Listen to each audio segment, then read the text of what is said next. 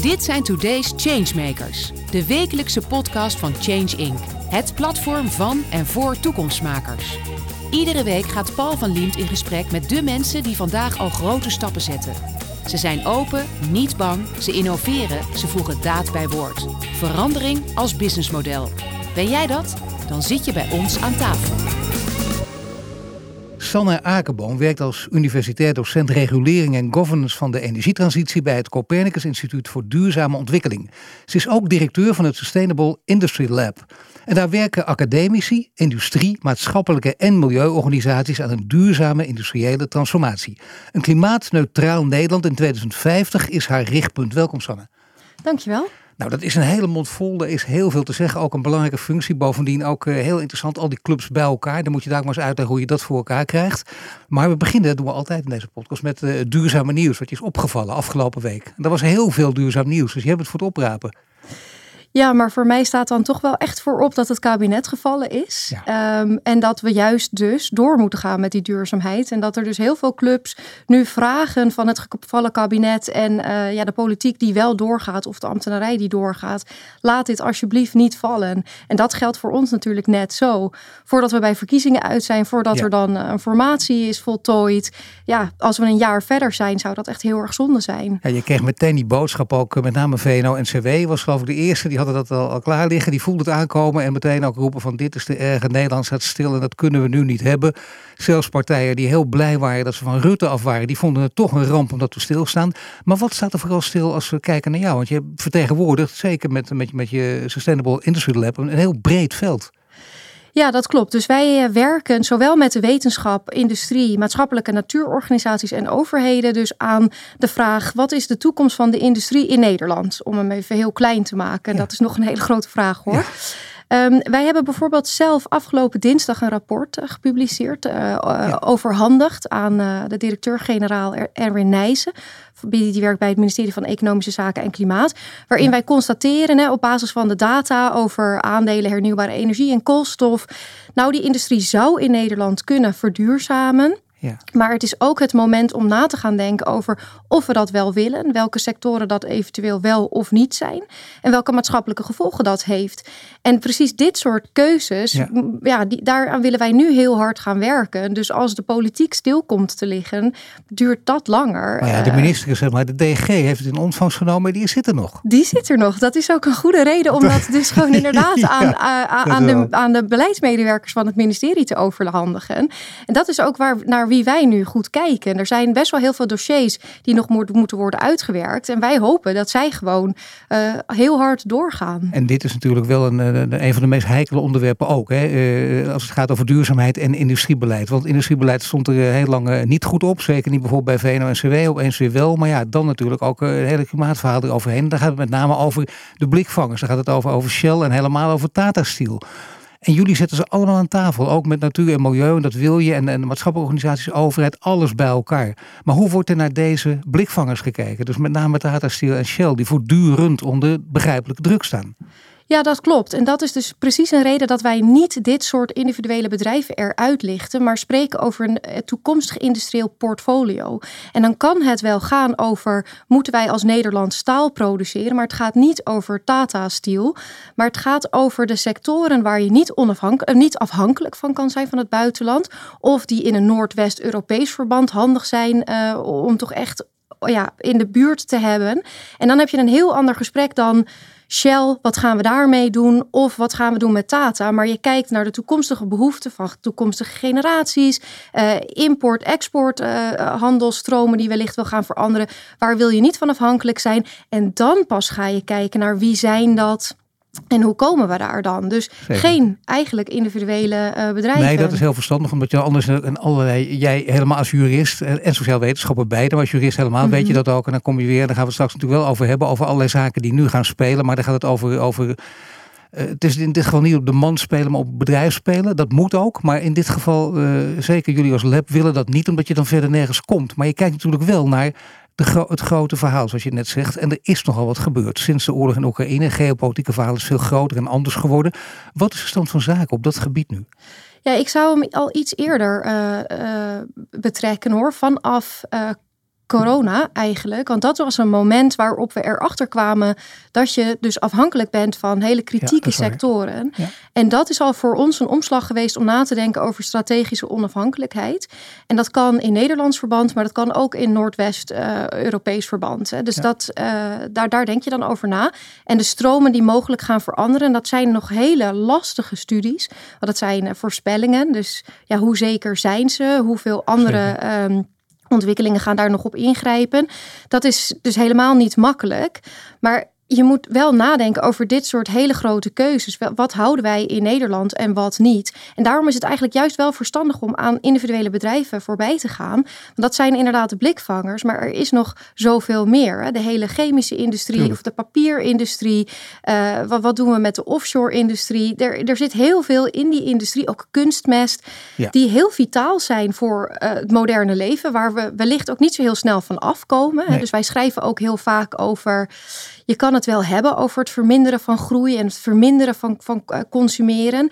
Maar zelfs als je dat optimaal doet, dan blijft er nog bepaalde vraag. En vraag elders groeit ook weer. Dus al die gegevens moet je meenemen om echt serieus na te denken over wie of wat wel of niet. Maar ja, er is één en misschien wel, of het zijn twee woorden eigenlijk aan elkaar gekoppeld die als een paraplu boven de discussie hangen. Strategische autonomie. Dat is inderdaad, je hebt gelijk sinds corona, maar helemaal sinds die oorlog natuurlijk steeds helderder voor, voor ons uh, uh, blikveld gekomen. En dan met name als het over Europa gaat. Maar als je beperkt op Nederland ook.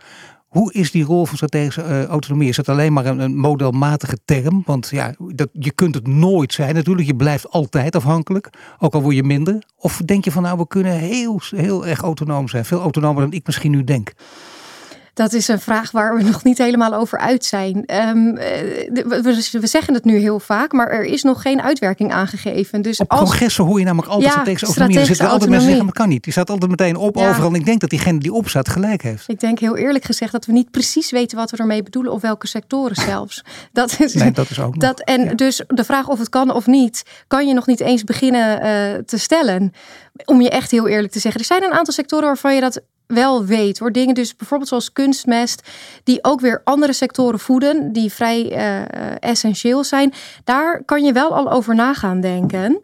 Uh, maar die zijn natuurlijk ook alweer van andere uh, veranderingen. Maar is er echt één sector te verzinnen in een wereld? Kijk, globalisering, uh, hoe je er ook in staat, kun je zeggen, is doorgeslagen. Je wil het minder mm. om allerlei redenen. Maar is er echt één sector te vinden waarin je echt alles binnen de, de hele keten, allemaal binnen eigen land in eigen hand kan hebben?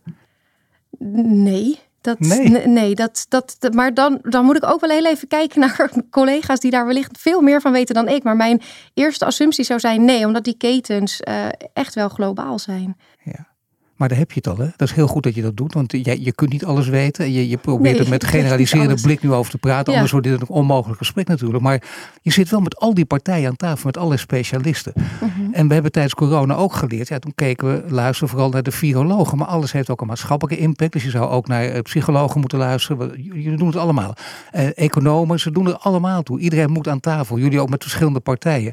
Maar het is wel heel lastig, want ondertussen heeft iedereen een eigen specialisme en probeert het aan elkaar te knopen. Hoe, hoe doe je dat in godsnaam? Ja, ik krijg heel vaak de vraag: hè, werkt dat nou eigenlijk als je zoveel uh, verschillende belangen ook aan tafel hebt? Want mensen, die experts of die uh, specialisten, hebben verschillende uitkomsten voor ogen. Zelfs binnen de klimaatneutraliteit voor Nederland. Um, en heel soms uh, draait het echt uit op een ja of nee gesprek, namelijk ga maar weg of dat kan niet. Dus dat zijn echte tegenpolen. En precies daarvan hebben wij gezegd, er, er zit nog een hele wereld tussen en we moeten weg bij die one-liners, dat polariserende. Dus we moeten zoeken naar de nuance. Uh, en daarvoor moeten we ten eerste kennis bij elkaar brengen. Wij hebben kennis vanuit de academische wereld en de praktijk heeft andere type kennis, dus die moeten we sowieso bij elkaar brengen. En vervolgens kijken we dus naar het toekomstige portfolio. Dus niet over uh, specifieke bedrijven. En dat helpt al heel erg. Nog over specifieke projecten. We gaan ook niet aan een project bijdragen. Hè. We kijken naar dat grotere plaatje. Uh, en mensen veronderstellen heel vaak dat wij heel veel conflicten hebben. En dat dat niet anders kan. Maar wij hebben nog nooit echt een conflict aan tafel gehad. Het is meer wrijving, want het gaat over hele grote, belangrijke onderwerpen Tuurlijk. natuurlijk. Maar juist de behoefte om voorbij dat ja-nee te gaan bestaat bij iedereen.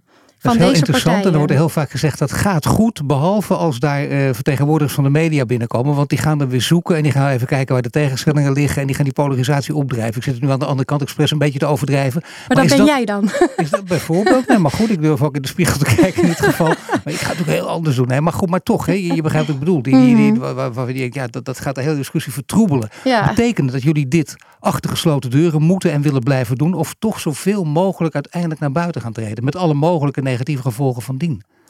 De, de, bepaalde dingen doen we inderdaad op uitnodiging. We moeten over bepaalde dingen kunnen praten. Uh, maar op het moment dat er dan resultaten zijn, dan laten we die ook zien. En dan praten we bijvoorbeeld met de media over wat betekent dat nou voor Nederland. En dan kan iedereen in staat zijn om daar dan weer aan bij te dragen.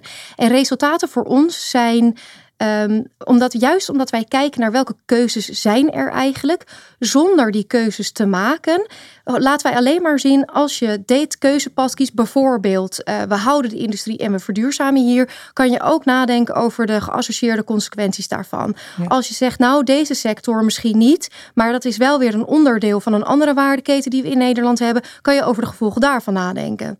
Het zijn die keuzes die wij schetsen. En dat betekent dan dus ook dat wij door inzicht daarin te bieden, het eigenlijk aan de maatschappij en de politiek aanbieden. Ja. En zeggen, nou, nu is het wellicht wat meer inzichtelijk. Kunnen jullie daarover gaan praten? En dus op het moment dat dat soort resultaten naar buiten komen, stellen wij hopelijk het maatschappelijk en politieke debat om daar dan ook daadwerkelijk keuzes over te maken. En dan heb je dus al een, een zeker vertrouwen gewonnen. Ook begrip voor elkaar, iets meer begrip voor elkaar gekregen. Klopt. Dat is ook heel belangrijk. Ja. En je kunt dan naar buiten komen met, met dilemma's. Dan kun je, je kunt dus zeggen, het is complex, wat, wat elke leider roept, elke politicus, en dat vinden we vaak een dooddoener, maar uh, CEO's, maar het is wel complex. En dan kun je dus vertellen, kijk, dit is een dilemma, het is complex en daarom, dat, dat mag je ook dealen, of dat mag je ook vertellen. En dan zeg je waar je mee te dealen hebt, dat mag je dus ook naar buiten brengen. Ja, dat klopt. En dat is ook precies de manier waarop wij dat juist doen. Dus niet uh, door te doen alsof er consensus is, want dat kan niet, maar dat hoeft wellicht ook niet eens. Ja. Maar je mag juist wel aantonen waar er nog gesprekken over uh, zijn, of waar er nog geen duidelijke paden zijn, of waar men het echt met elkaar oneens is.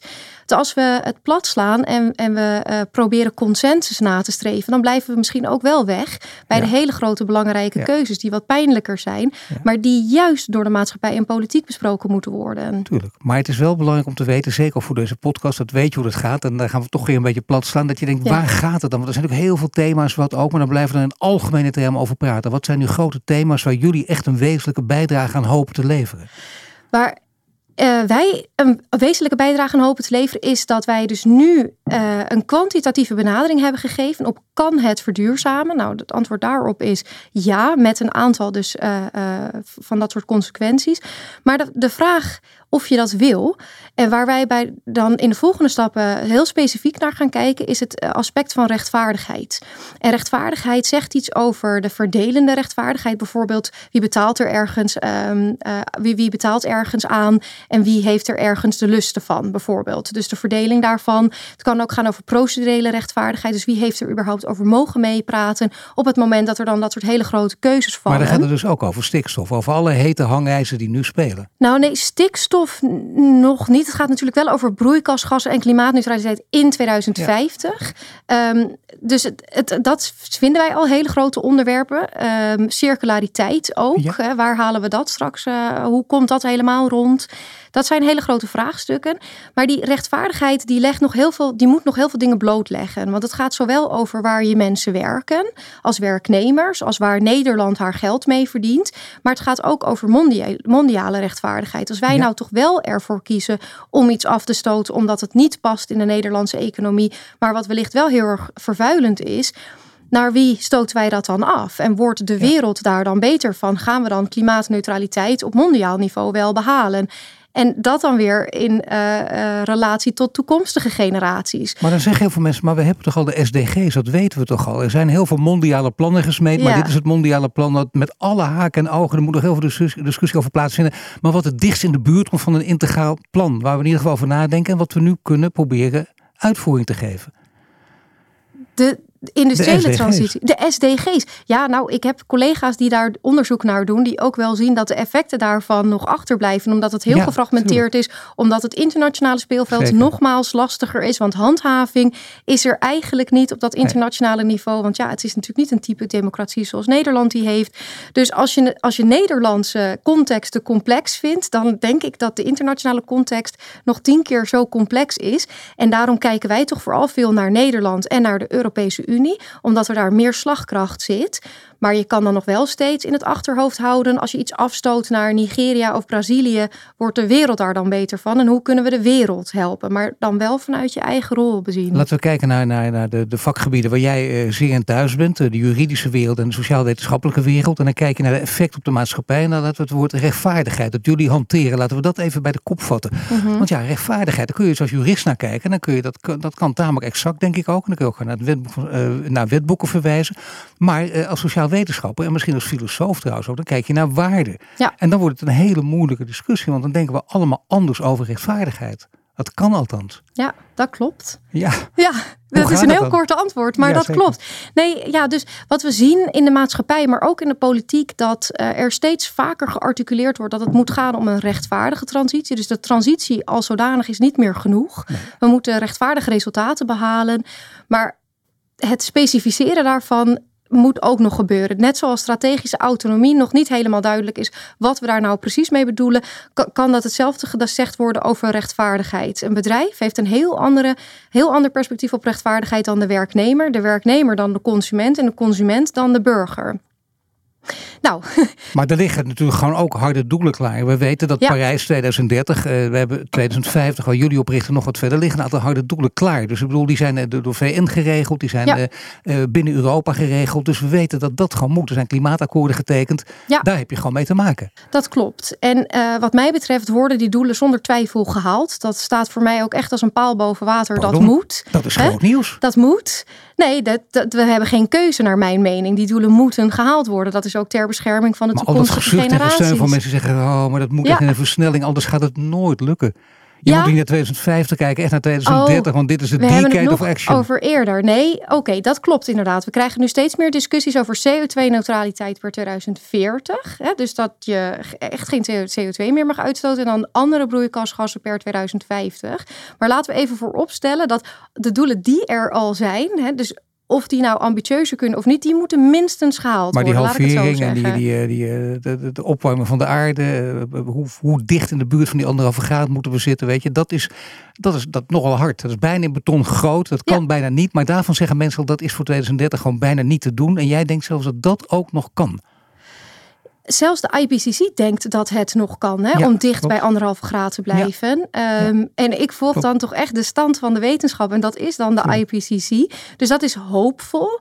Het is natuurlijk een complex proces. Dus er zijn heel veel haken en ogen aan. Wat maakt dat je het wellicht niet haalt. Maar voor mij staat vast. Om de wereld te beschermen, moeten we daar ons best voor doen. En moeten we die doelen dus ook Maar dan weet je als sociaal wetenschapper dat je, dat je dit kunt zeggen. En dan, uh, wij zitten misschien in dezelfde bubbel. Dat, dat sluit ik uh, zomaar niet uit. Maar er is toch een hele grote andere bubbel ook. En heel veel andere bubbels die daar heel anders over nadenken. En mensen gaan niet zomaar mee. Dan ja. heb ik over de groep die heel sceptisch is. De groep die heel erg tegen is. Maar ook de groep die bijvoorbeeld denkt.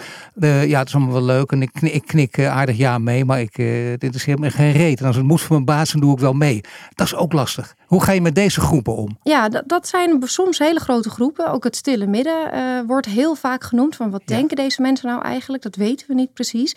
Daar wordt nu dus heel veel onderzoek naar gedaan. En dat kan ook omdat er gevolgen nu optreden die voortkomen uit het feit dat de energietransitie altijd vanuit een technologisch-economisch perspectief werd bekeken. Hebben we de techniek en kunnen we het dan betalen? Ja. Nou, daarvan werd bijna gedacht, als we de kolencentrale uitzetten, dan zetten we zoveel meer wind neer en dan zijn we er. Nou, dan kom je er dus achter dat er inderdaad maatschappelijk nog heel veel uh, gevolgen zich voordoen. Daar zijn we tegenaan gelopen, dat klopt. Uh, daar hebben we van geleerd. Um, en die proberen we nu steeds, steeds te verbeteren. Maar wat heb je daarvan geleerd? Bijvoorbeeld participatieprocessen. Dus mensen die naast windmolenparken wonen, hè, dus, dus dat windmolenpark komt naast hen Not te staan. Ja, dat is dus al een, een, een geaccepteerde uh, aanname dat mensen het niet willen, omdat ze het op zich wel steunen, maar niet in de eigen achtertuin. Al sinds de jaren 60 weten we dat waar het gaat om besluiten in mensen hun leefomgeving, het heel erg belangrijk is om die mensen bij die besluitvorming te betrekken. Want het gaat om hun leefomgeving. Dus dat heeft effect op wat ze doen, hoe ze leven, wat ze voor uitzichten hebben, waar ze angsten voor hebben, of wat gezondheidsproblemen op gaat leveren of niet, of hoe dat dan gaat met de stand van de biodiversiteit in hun omgeving. Maar daar duurt het allemaal heel lang. Hè? Dat is de andere kant van de medaille. Nou, het voorproces duurt langer, maar al sinds de jaren 60 van de vorige eeuw wordt er dan aangenomen dat op het moment dat je een heel goed proces vooraf organiseert, het realiseren van het plan dan veel sneller kan. Dat er minder actie tegen wordt gevoerd, dat er minder vaak naar de rechter wordt gegaan eh, en dat er minder protest komt. En ook protest heeft een effect in je maatschappij. Want als er een groot protest elders is, dan kan dat het elders ook weer uh, veroorzaken. Want men denkt dan, oh, als het daar niet goed gaat, waarom zou het dan hier wel goed gaan? En dus als jij laat zien, een proces kan goed verlopen. Wij nemen mensen serieus. Er kan iets veranderen naar, naar aanleiding van hun meningen. Dan denken ze elders, oh, nou, uh, dan worden wij gehoord. Dat vertrouwen hebben wij daarin. En dan hoeven ze ook minder snel in het protest te treden. Dat is al sinds de jaren 60 van de vorige eeuw de veronderstelling over die participatieprocessen. Maar nog steeds zitten we best wel ingebakken in dat idee van NIMBY, not in my backyard. Ehm, het duurt heel erg lang, het kost heel erg veel geld, we moeten door, we hebben geen tijd. Maar juist dat idee van we hebben geen tijd, en ik zei dat inderdaad terecht daarnet ook, moet je toch de tijd nemen voor die processen. Zeker omdat we nu eigenlijk in de situatie zitten dat we wat vertrouwen terug moeten winnen over die parken. Hoe zit het met vertrouwen? Want er zijn, komen verschillende cijfers over naar buiten. Dat weet jij denk ik veel beter dan ik. En hoe zit het daar nu mee? Ik bedoel, we weten niet precies wat het stille midden denkt. Vaak wordt wel aangenomen als ze er niet kijken. Ze zijn niet van niks stil dan vinden ze het misschien niet fantastisch, maar ze gaan er ook niet hard tegen in. Dan heb je vaak veel meer mensen mee. Bij Europa had je ook die discussie. Voor en tegen, ja, dat ging over 10, 20 procent. Maar als je de stille erbij telt, dan is 70 procent vindt het oké. meer Europese integratie, dat, dat is dan opeens heel veel. Ja. Nou. Maar geldt het ook op dit terrein? Ja, er zijn soms wel studies uh, naar de meningen van mensen over het klimaat en hoe zorgen zich ze erover maken en hoe, hoe, in hoeverre ze bereid zijn om zelf maatregelen of te nemen of te ervaren. En die bereidheid blijkt, blijkt altijd heel erg groot. Het lastige ervan is dat op het moment dat je dan met een concreet plan aan de slag gaat, die minderheid die heel erg tegen is, heel erg naar buiten stapt en dus heel erg luid en groot lijkt. Terwijl uh, statistisch gezien de andere groepen groter zijn. En daar heeft bijvoorbeeld de windsector heel erg last van natuurlijk. Dus die zegt ook heel vaak, kunnen we nou niet kijken naar wat er gebeurt als een park dan eenmaal gerealiseerd is. En wat mensen er dan van vinden. En dat we dat geluid ook naar buiten kunnen brengen. Want dat is dus wel waar de media heel erg op let zijn. De, de windmolengevallen waarbij het fout gaat. Uh, en niet zozeer bij waar het fout, waar, waar, waarbij het goed gaat. En ik doe dat zelf ook. Als ik onderzoek doe, doe ik ook sneller onderzoek naar wat er fout gaat. Dat klopt. Um, dus daar kunnen we misschien met z'n allen wel iets aan bijdragen. Krijg je een reële beeld ook als je dat doet? Ja, ook dat. Hè? Maar je kan denk ik daarmee kritisch ook allebei. laten Jij zien... hebt je eigen wetenschappelijke Ja. wereld, ik heb mijn eigen mediawereld. Ja. Dat is wel een hele vooruitgang. Ja, nou ja, ja ik ja, denk dat we niet zonder kunnen. Dat Nee, maar dat iedereen een beetje goed naar zichzelf moet Dat kijken. Maar daarmee zouden we ook kunnen laten zien, en dat is iets waar de wetenschap steeds meer naar kijkt, is we hebben het altijd benaderd vanuit het techno-economische. Kunnen we het betalen? Hebben we het? Eh, zonder er- eh, dus eh, te accepteren dat er dingen voor de maatschappij niet zo prettig gaan zijn. Nu gaan we juist meer kijken naar het idee van kunnen we werken aan gewenste toekomstbeelden? Ja. Wanneer worden mensen er beter van? Ja. Wanneer kunnen we gezonder leven? Als luchtkwaliteit beter is, als ons woningbestand gewoon beter is, kan dat ook iets bieden? Ja. En kunnen we vanuit dat gewenste toekomstbeeld dan terugrekenen naar vandaag en wat we dan vandaag moeten veranderen om daar te komen? Nou, en daarmee creëer je dus een beeld wat al heel anders is dan mogen we nog barbecuen of mag ik nog wat op vakantie? En dat kan misschien allemaal wel, maar, Nee, maar we creëren is- nu heel veel onzekerheid. Dat is goed dat je dat zegt. Want als je dat wel doet, ook hier geldt dat. Hè, als je, het is ook heel interessant voor dit gesprek. Ook als we dat zouden zeggen. Oh, dit kan wel en dat kan niet. Maar dat is eigenlijk. Dat doet eigenlijk niet toe. Omdat Nee, je inderdaad iemand helemaal op 100% zuiverheid gaat beoordelen. Ja. Oh, jij doet dit niet. Maar je doet dat wel. Wel een vliegreis, maar geen barbecue. Of andersom. Weet je. En dan kom je natuurlijk inderdaad nergens. Wat veel mensen zich druk maken, weet jij als sociaal wetenschapper in dit geval denk ik ook heel goed, is natuurlijk wel de integrale aanpak die jullie voorstaan, die natuurlijk Klopt. fantastisch en heel goed is en no- nodig en noodzakelijk. Maar, hoort hierbij, Hm. zijn mensen die dan denken, wacht eventjes, eh, deze integrale aanpak betekent ook dat, dat, dat niet alleen ik anders moet nagaan denken over, over klimaat, en dat het CO2, eh, dat de halvering belangrijk is, dat we over de opwarming van de aarde moeten nadenken, maar ook nadenken over ja, uh, ik, ik moet ook uh, minder consumeren. Ik mag dit ook niet en dat ook niet. Dat valt ook onder de integrale aanpak. En dat vinden mensen wel vaak, dat blijkt ook al die onderzoeken ook. Hè, dat vinden ze wel een, een hele harde aanslag op hun leven. Echt een grote bemoeienis met hun leven. Hoe zou dat anders moeten en kunnen? Ja, qua echt het consumeren is dat een hele grote vraag, helaas. Ik denk dat ik dit heel vaak zeg. Het is een grote vraag of het is complex. Um, maar met kopen hebben we natuurlijk ook heel veel comfort weten te verkrijgen. Omdat wegwerpartikelen brengen een bepaald comfort. Of plastics brengen een bepaald comfort. Ook qua uh, de houdbaarheid van je producten. Ja. Dus als je dat eruit haalt, dan moet je daar ook weer over nadenken. Hè? Uh, je moet je anders gaan gedragen als we bijvoorbeeld geen pakken in de supermarkt meer mogen kopen. Maar eigen uh, blikken mee moeten nemen waar het dan in gaat. Nou, dan moet je nadenken over hoe je je dag inricht. Dus daar zit wel een drempel. En die begrijp ik echt heel goed. Want niet iedereen heeft overal tijd voor. Of richt zijn dag zo in. Of die heeft het gewoon heel druk. Mensen hebben hele drukke banen. Dus ik begrijp het echt heel goed. En je ziet het ook als achteruitgang dan op dat gebied. Hè? Want je denkt, wordt ja, steeds comfortabeler. En opeens ja. neemt het weg. En dat is ook een deel van je welvaart die gewoon plezierig is. Ja, dus dat zijn wel hele uh, ingewikkelde dingen waar wat is dan het wel toegewenste toekomstbeeld voor energie? Kan ik hem denk ik best wel schetsen. Hè? Als de luchtkwaliteit verbeterd is en we hebben allemaal gezonde woningen, dan zien we daar vrij snel, denk ik, hoop ik, de voordelen van. Maar precies dat consumeren, hoe jij naar de supermarkt gaat, is een, is een heel lastig punt. En daarom was ik er eigenlijk wel van gecharmeerd dat Jetten had voorgesteld om een burgerforum te organiseren. Dat was al heel wat, daar was al heel lang voor gelobbyd. En om deze over consumentenpatronen uh, te doen, onder andere. Want wat ik dacht, ja, je kan nou weer zo'n burgerpanel wel inzetten voor die doelen.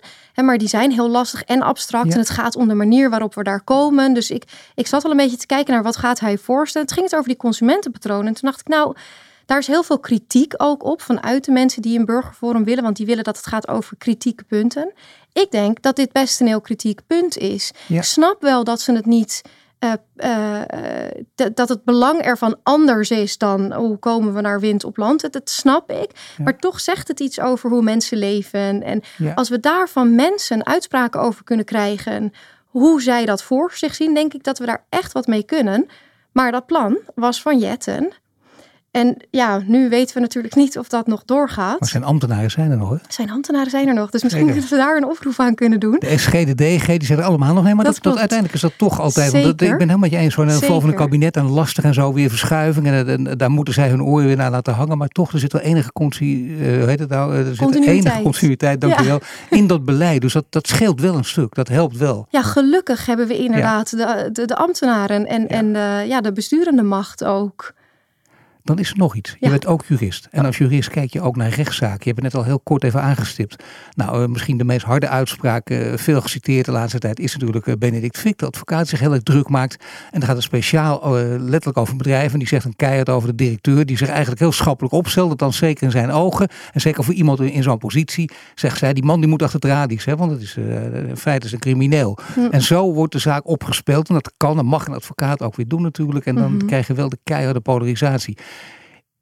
als het goed gaat met jullie, als jullie al die dilemma's weten te schetsen, kun je dan ook dit soort zaken voorkomen, dit soort polarisatie voorkomen? Of blijft dat altijd toch een manier om de maatschappij ook te veranderen?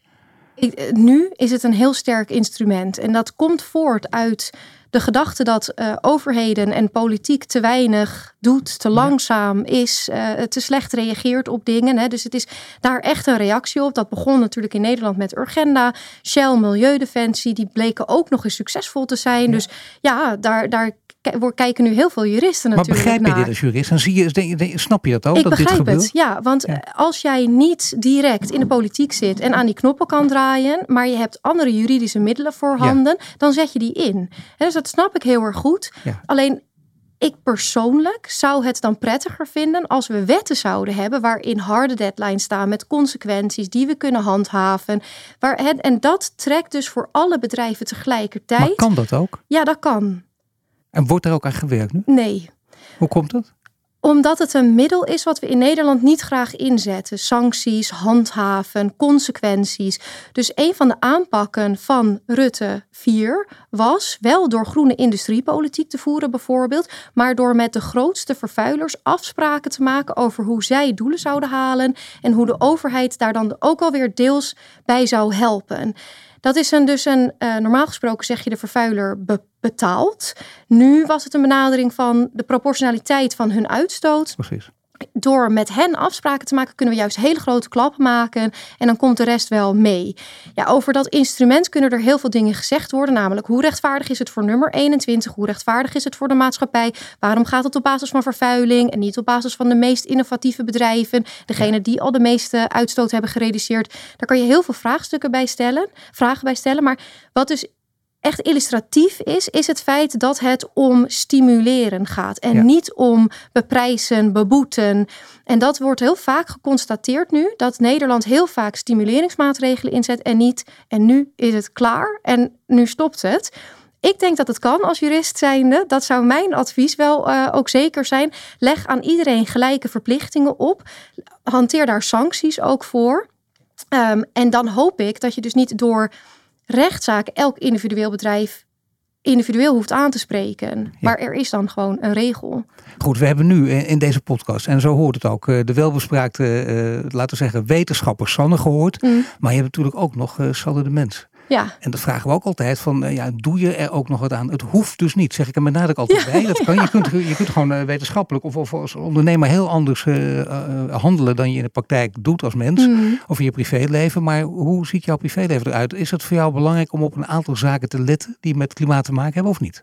ja, zeker wel. Maar ik loop ook wel tegen dingen aan. Ik zou bijvoorbeeld heel graag minder plastic willen gebruiken. Dat is dus echt heel moeilijk. Ook omdat ik dan aan het einde van de dag toch een beetje lui naar de, naar de supermarkt loop en uh, niet genoeg me voorbereid om het anders te doen. Dat is absoluut waar. Uh, maar er zijn een aantal dingen die ik wel doe. Mijn kachel in mijn huis staat bijvoorbeeld heel laag. Dat had op, uh, ook wel zeker te maken met de hoge prijzen. Maar je kan ook heel goed wennen aan lage temperaturen, moet ik er wel gelijk bij zeggen. Ja, dat had ik vroeger niet gedacht. Maar nu uh, 17 graden is voor mij te doen. Daaronder vind ik het niet prettig meer. Maar uh, daar heb ik uh, mezelf aan laten wennen.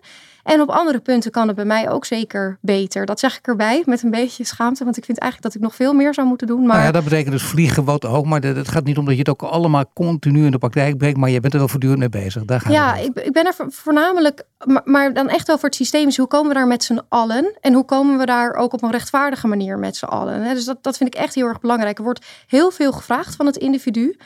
Um, maar er zit nog zoveel achter wat een individu niet kan bereiken. Dus ik probeer wel dat systeem, die, dus dat integrale probeer ja, maar bij het systeem, de uiteindelijke vraag is natuurlijk ook... en alle mensen van bedrijven die nu meeluisteren willen dan ook altijd wel weten... maar wat betekent het dan, het systeem? Want waar gaan we, wie, wie, is, wie, wie is daar de verliezer in dat systeem? die zouden er zomaar Wie moet de deuren sluiten? Nee, maar dat is een systeemverandering natuurlijk. Ja. Anders is het een algemeen. Dat is het gevaar bij Er zijn ook mensen die roepen: het systeem is failliet. Tuurlijk, maar wat betekent dat? Ja, er staan er geen banken meer. Welke banken vallen om? Welke grote bedrijven moeten de deur sluiten? Weet je, daar gaat het over. Ja, en dat zijn dus precies van die hele pijnlijke punten uh, die wel realistisch zijn. Het zou heel goed kunnen dat er door de transitie bepaalde bedrijven niet meer bestaan of anders bestaan. Sowieso moeten er al heel veel echt serieus veranderen natuurlijk. Daar wordt er weinig over gesproken. Ben ik bang omdat het heel moeilijk is. Dat snap ik ook. Maar in de, en je wil eerst zeker weten. Maar als je de hele geschiedenis doorkijkt, tijdens dan gebeurt dat onherroepelijk. Ja. Klopt, maar er zijn ook bedrijven van vroeger echt heel serieus veranderd. En dat zijn bedrijven waar we nog steeds heel erg trots op zijn. Zeker. Het kan ook echt. Tuurlijk. Nee, ik weet het. Nou, die hoeven we nu niet te noemen. We weten allemaal welke we bedoelen. Ik dank je wel, Sanne, voor dit verhaal. Je luistert naar een podcast van Change Inc. Mede mogelijk gemaakt door Ebbingen, Renewy en Vattenfall. Bedankt voor het luisteren naar de Today's Changemakers podcast. Een productie van Change Inc. gepresenteerd door Paul van Liemt. Ben of ken jij een changemaker? Meld je dan snel aan via onze Change Inc. website. Wil je dat meer mensen geïnspireerd worden? Deel de podcast dan op sociale media. Wil je meer afleveringen luisteren? Volg ons dan nu via je Spotify, Apple Podcast of je favoriete podcast-app. En krijg een melding wanneer er een nieuwe aflevering online staat.